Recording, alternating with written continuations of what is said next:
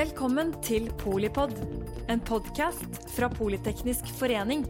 Et kunnskapsbasert medlemsnettverk for bærekraftig teknologi og samfunnsutvikling. Velkommen til Polipoden direkte inne fra Arendalsuka.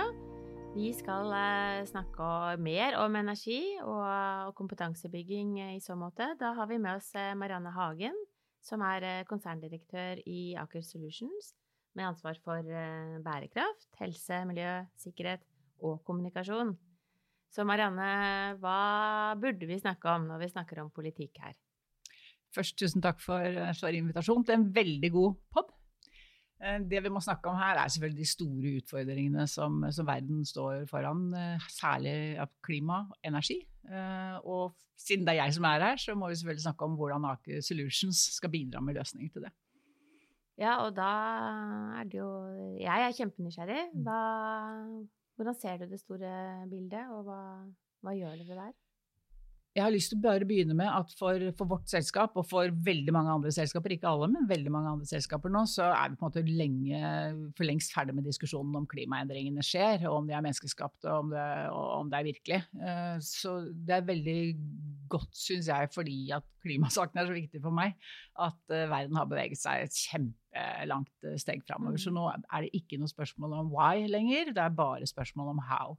Og det er jo en mye morsommere og, og mer interessant diskusjon sett fra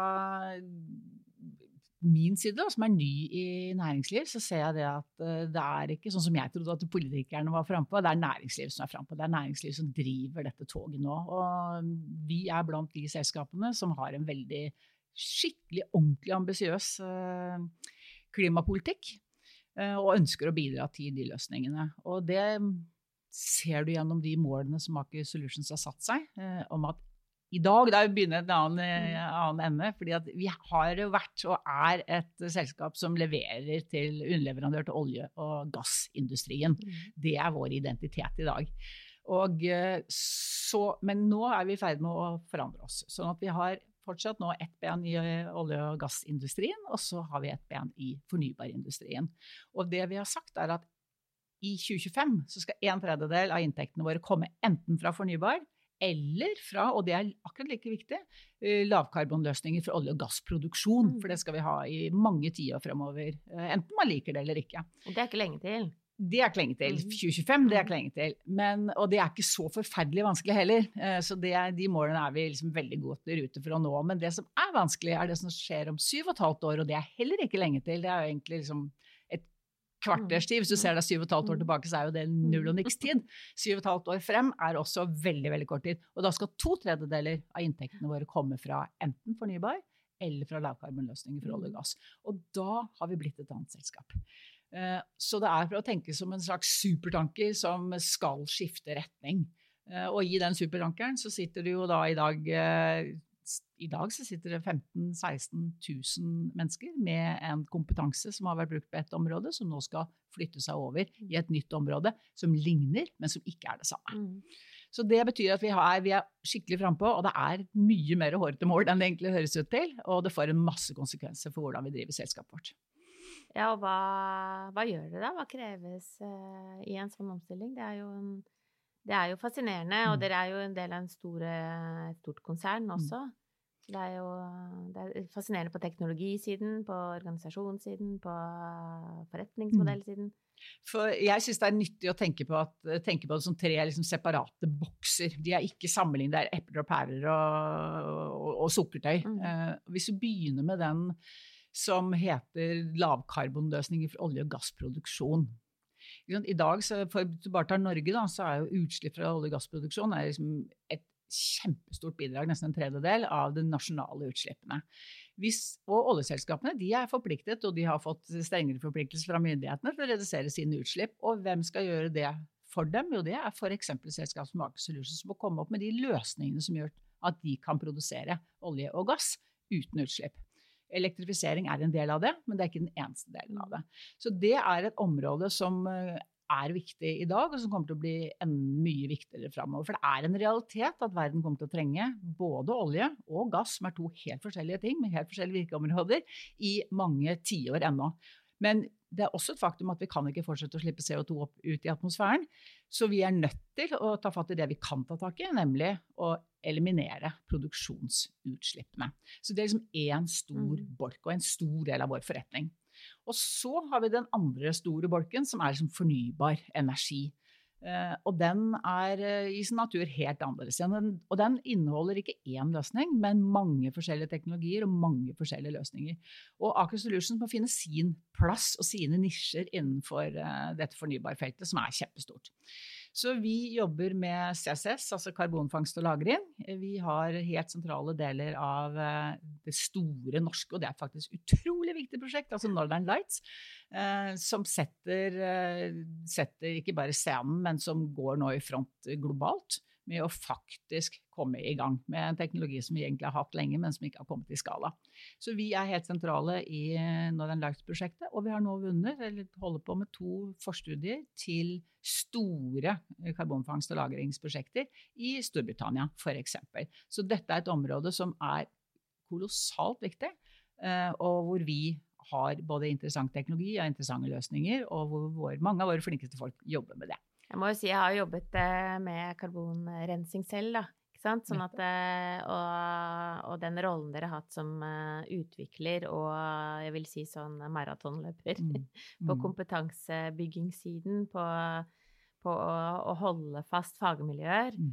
eh, pilotere eh, fra, fra benk, på en Mm. måte, til, til faktisk nesten sånne plug and play-løsninger, da. Det er jo eh, mm, fascinerende, det også, i seg selv. Ja. Det er jo et, eh, et game for stayere, Mm. eh, rett og slett. Mm. Fordi at eh, veldig mange av de fleste av de teknologiene som vi har nå, har vi jo hatt veldig lenge. Og vi har forsøkt og prøvd og holdt på lenge, og så man trodde at det nærmet seg, og så har det stoppa. Så. så sånn har jo dette gått. Men i dag så er det ingen som lurer på om dette er nødvendig lenger. Nå er det bare spørsmål om hvordan får vi det til, Mm. eh, og hvordan får vi brakt det til skala. Havvind er jo et annet eh, kjempestort tema, ikke bare her i Arendal, men eh, også globalt. Og det er jo veldig mange som også vil ta posisjoner der. Aker Solutions var jo i gang for lenge siden og bygde Hywind Demo for i 2009, tror jeg kanskje, til og med. Det er kjempelenge siden.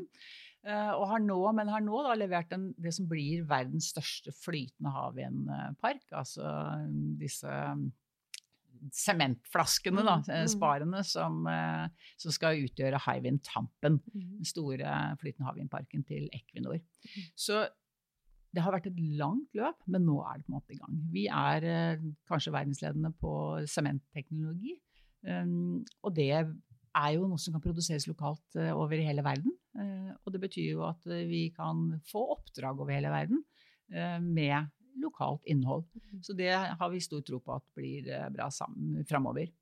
Men vi har også muligheten for å bygge bunnfast understell og flytende stålunderstell. Mm. Så det er ting vi både jobber med og, og skal vinne kontrakter på etter hvert. Det vi allerede har vunnet kontrakter på, er det som heter HVDC-er, eh, som er en omformerplattform som egentlig for alle praktiske formål ser ut som en oljeplattform, en liten oljeplattform, men som er nødvendig for at du skal kunne frakte strøm eh, fra havvindprosjekt som ligger lenger enn ti mil fra land, Mm. uten for stort energitap. Og det er store, kostbare, kompliserte konstruksjoner, men som vi kan bygge etter modell fra små plattformer som vi har bygget for, eh, for olje eh, tidligere, som f.eks. Hod-plattformen. Og så krever det jo Det er jo en helt annen eh, virksomhet. Altså, en plattform er ikke en plattform. Plattform er ikke en plattform. Og det er jo selvfølgelig det som er det store, det store taktskiftet fra olje og gass til fornybar, er jo at i olje og gass så bygger du én en enormt kostbar, komplisert unika som du skal bygge én Mm. av én gang i ett sted i verden. Mm. Eh, Innenfor fornybar så skal du bygge utallige identiske enheter. Og Norge har ingen eh, tradisjon for eller historie for å være effektiv i masseproduksjon. Men det er det vi skal bli nå, når vi skal ta de posisjonene som vi ønsker innenfor særlig havvind.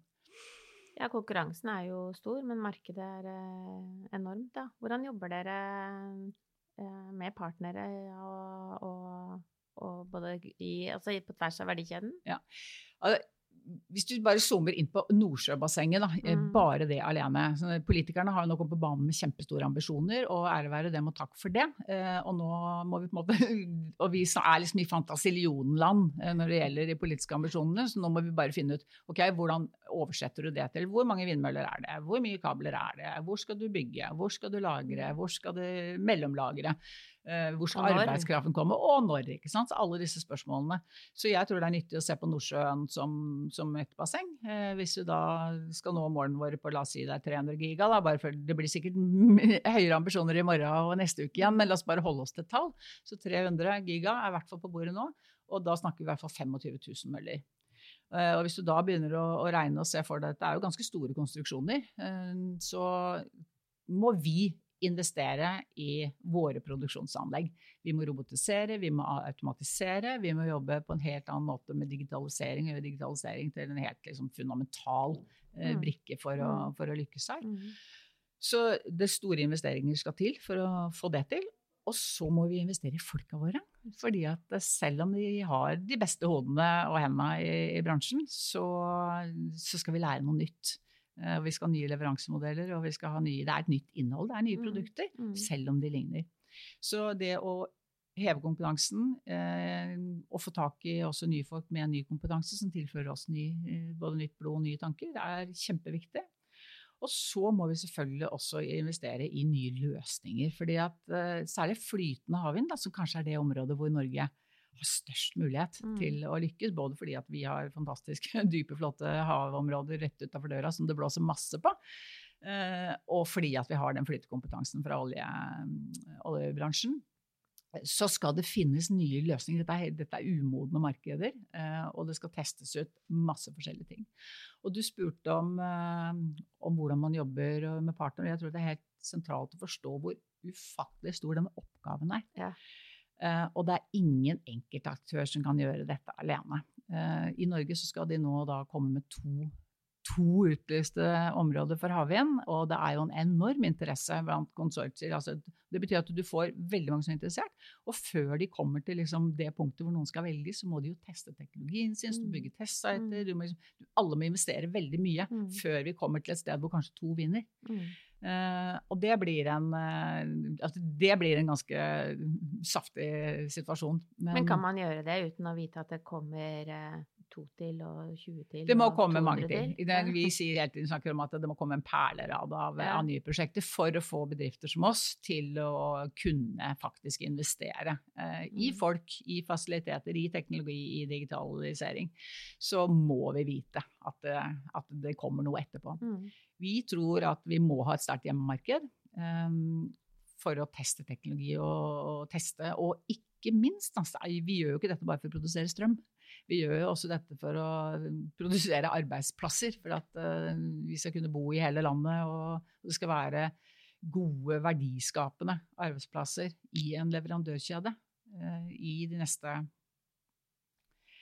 hundrevis av årene, ikke sant? Ja. Så- Eh, her i mm. Arendal er det masse Det er selvfølgelig veldig fokus på kraftsituasjonen eh, her og nå, Mm. og prisbildet, men eh, og eh, det å være energi- og industrinasjon eh, på en gang, da, og hvordan det henger eh, sammen. Det er jo det vi har vært uh, hittil. Og, og hva, hva, hva gjør dere i så måte, eller har du noe bilde på hvordan den industridelen av, av det fornybare tror er?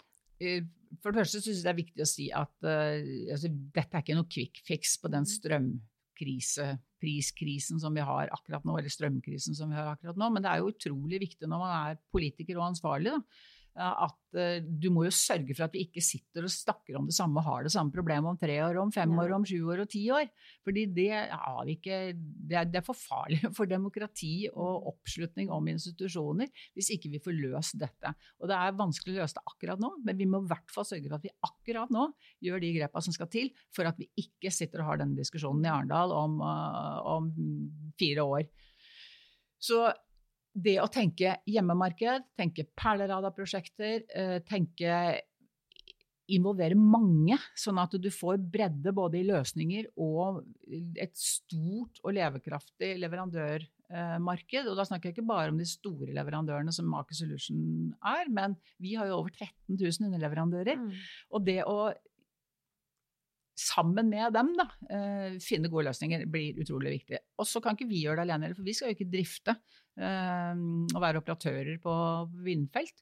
Så det er det jo andre som må være. Så vi må partnere opp med folk som har teknologi vi ikke har, som har logistikkløsninger vi ikke har, uh, og som skal ha operatøransvar som, som, vi ikke skal ha. Så det å finne de konstellasjonene er, blir veldig, veldig viktig framover. Og det er jo store aktører som er etablert. Og det å piggybacke på dem ut i verden mm. blir jo også kjempeviktig for oss. Og i sum så tror jeg at størrelsen på utfordringen gjør at vi må altså senke skuldrene sånn litt, ikke på oppgavens alvorlighet, men på hvordan vi samarbeider. Fordi at det er jobb nok og utfordringer og mm. problemer nok til alle. Så det å faktisk samarbeide, det å dele data, det å dele innsikt, det å være transparente om løsninger, tror jeg blir også utrolig viktig framover. Å jobbe tverrfaglig, da. Er, uh, her er det jo ikke bare én type kompetanse som, uh, som trengs. Det, det, vi har jo et stort studentnettverk i Politeknisk, og det, uh, det ser vi jo trigger det mer og mer. Altså, det er jo spisskompetanse for all del. Men eh, det å jobbe og løse store problemer eh, på tvers av også mm. eh, ikke bare liksom avdelinger eller noe sånt i et mm. selskap, men, eh, men eh, virkelig bruke tverrfagligheten i mm. kompleksiteten, da.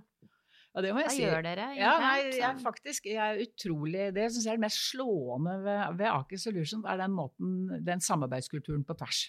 Eh, fordi i hele systemet i Aker Solutions er det sånn at eh, hvis jeg kommer til min sjef med et eller annet, så er det eneste første han spør meg hvem har du hatt med deg på laget. Ja. Hvordan har du samarbeidet, hvordan er du forankra, er alle de involvert. Og hvis han, jeg ikke kan svare godt på det, så er han ikke interessert i forslaget mitt. Eh, og så hos oss så til de grader dyrkes det å samarbeide på tvers eh, og i organisasjonen. Sjefen, da snakker vi konsernsjefen. Da snakker vi konsernsjefen i mitt tilfelle, mm. men jeg vil også stille det samme spørsmålet til de som jeg er mm. sjef for, mm. og hele veien nedover i organisasjonen. Så det som lønner seg i Aker Solutions, Aker Solutions er å samarbeide på tvers. Og det er fordi det gir best løsninger. Og det er det lille svaret på det store problemet, nemlig ingen kan fikse dette her aleine. Alt her må fikses i samarbeid med, med andre parter. Men jeg har bare lyst til å komme tilbake til liksom utgangspunktet. fordi vi skal jo ikke mm, bygge havvind bare for å skape arbeidsplasser. Vi skal bygge havvind fordi vi skal ha en dyp dekarbonisering av, eh, av samfunnet. Fordi at vi kan ikke fortsette å slippe CO2 ut i atmosfæren. Og da må vi også se på hva gjør vi i Aker Solutions med våre egne utslipp. Og det er liksom den tredje av disse mm. helt ulike bøttene mm. som jeg snakket om i starten, da, hvor, hvor, fornybar og lavkarbonløsning for olje- og gassproduksjon er de to andre. Så er det våre egne utslipp. Uh, og vi har ikke noe store og imponerende utslipp i det hele tatt. Vi. 63 000 tonn er jo veldig veldig lite. Bare elektrifiseringen av Troll Vest er liksom åtte ganger så mye. Så, men nå har vi kommet til det punktet i verdenshistorien at alle må gjøre sitt. Og både uansett hva det koster, og uansett hvordan du får det til, så må alle gjøre. Men det virkelig morsomme er jo når liksom, tannhjulene eh, i, eh, mellom det som er bra for miljø eh, og bærekraft, og det som er bra for lønnsomheten i bedriften, begynner å ta i hverandre. Mm. Og vi er på det punktet nå. Og det er derfor jeg er liksom optimist på at dette faktisk kommer til å gå. Da. For det som heter Scope 3, eh, handler om våre underleverandører, og det handler om våre kunder. Og våre kunder begynner å stille krav. Vi ønsker at de skal være mye tøffere, men de begynner å stille krav. Og vi har vunnet vår første måte, liksom, avtale basert på at vi er skikkelig gode på å gjøre hjemmeleksa sjøl på bærekraft. Og det er jo supergøy. Det er gøy at kundene spør, og det er jo kjempegøy at eh, vi vinner på det. Og så har vi da disse 13 000 underleverandørene. Og jeg skal fortelle deg en, en hemmelighet sånn bare mellom, mellom, deg og meg. Ok, da skrur jeg av, men eh, Ikke sant? Ja, så nå har vi holdt på i tre kvart år med å bli akseptert som medlemmer, eller altså vårt commitment til det som heter Science Based Target Initiative. Mm. Og det betyr at vi som selskap forplikter oss til å ha en lineær, uh, vitenskapsbasert reduksjon av våre utslipp hvert eneste år til vi når Paris-målene. Og Grunnen til at det er så utrolig viktig, er at eh, det er jo liksom gullstandarden og stempelet på at vi ikke bare prater, men vi gjør det vi sier at vi skal gjøre. Og enda mer enn at det liksom er stas for oss, da. og det er det virkelig. Og dette blir offentlig nå i løpet av, uh, av noen dager. Men det betyr altså at vi kan snu oss rundt og snakke til våre underleverandører. Og så kan vi si at vi har forplikta oss til å gjøre det på denne måten. Ikke i dag, ikke i morgen, men i hvert fall i overmorgen og ganske tidlig på morgenen, så kommer vi til å velge de av dere som gjør det samme. Fordi at dette skaper en sånn transparens og en gjennomsiktighet, og vi vet hvilke aktører som er seriøse, og hvilke som tror at de skal eh, nå sine klimaforpliktelser i 2049. Et kvarter før, før deadline i 2050. Så vi vil foretrekke å jobbe med de som har en plan nå, som er seriøs og som fører framover, og ikke de som har mm, eh, hva skal jeg si, visjonene og ambisjonene på plass, men skal gjøre det litt seinere. Så dette er et kjempe, Gratulerer, du. Det er jo kult. Ja. Tusen takk. Jeg skal bare si det til et par stykker, og så gleder jeg meg til å få detaljene. Ja. Og det som er så gøy også med å jobbe i Aker Solutions nå, det er at vi som alle andre skal jo ha Vi må jo ha folk eh, til å mm. gjøre den jobben. Vi har 15 000 fantastiske medarbeidere, eh, vi, men vi trenger flere. Så hittil i år, fra 28. januar i inneværende år, så har vi mm. ansatt 1950 nye flinke kollegaer. Tilbake igjen til dette med kompetanse de bringer inn som er ny, så skal vi også ta vare på og utvikle kompetansen som de vi allerede har. Men det som er hva slags folk er det? Ja, nei, Det er jo ingeniører og alle mulige slags folk. Mm. Så, men det som er litt gjennomgående, det er det de sier når vi spør dem hvorfor har du lyst til å jobbe i Aker Solutions. Og det de sier, er at vi ser at dere er helt sentrale hvis vi skal lykkes med det grønne skiftet. Det ser skikkelig vanskelig ut. Det har vi skikkelig lyst til å være med på. Det syns jeg er den beste attesten det går an å få. Nå fikk jeg litt gåsehud der, rett og slett. da. Hadde det vært lett, så hadde det ikke vært gøy, ikke sant? Men, eh, men eh, den eh, matchen mellom å, å gjøre noe sjøl og faktisk eh, ta på ledertrøya, mm. og, og, ikke minst være klar på hva som skal til eh, for å lykkes, da. Så tusen hjertelig takk, eh, Marianne Hagen, konserndirektør i Aker Solutions for bærekraft, helsemiljøsikkerhet helse, miljø, sikkerhet og kommunikasjon. Og du er også styremedlem i Politeknisk forening. Ja, Det er jo et veldig spennende sted å være. Så jeg anbefaler alle både å høre på poden, og ikke minst å komme på de utallige, fantastisk flotte fagseminarene innenfor alle tenkelige spisse nisjer av, av, teknologi og innovasjon og utvikling. Så jeg håper å se dere der, og tusen takk for at jeg fikk komme hit. Takk til deg eh, som hører på Polipodden, eh, hvor du vil og når du vil. Eh, jeg er Mette Vågnes Eriksen, generalsekretær her i Politeknisk forening. På gjenhør. Takk for at du lyttet til Polipod fra Politeknisk forening. Få med deg flere episoder, eller bli med på nettverksmøtene som du finner på at polyteknisk.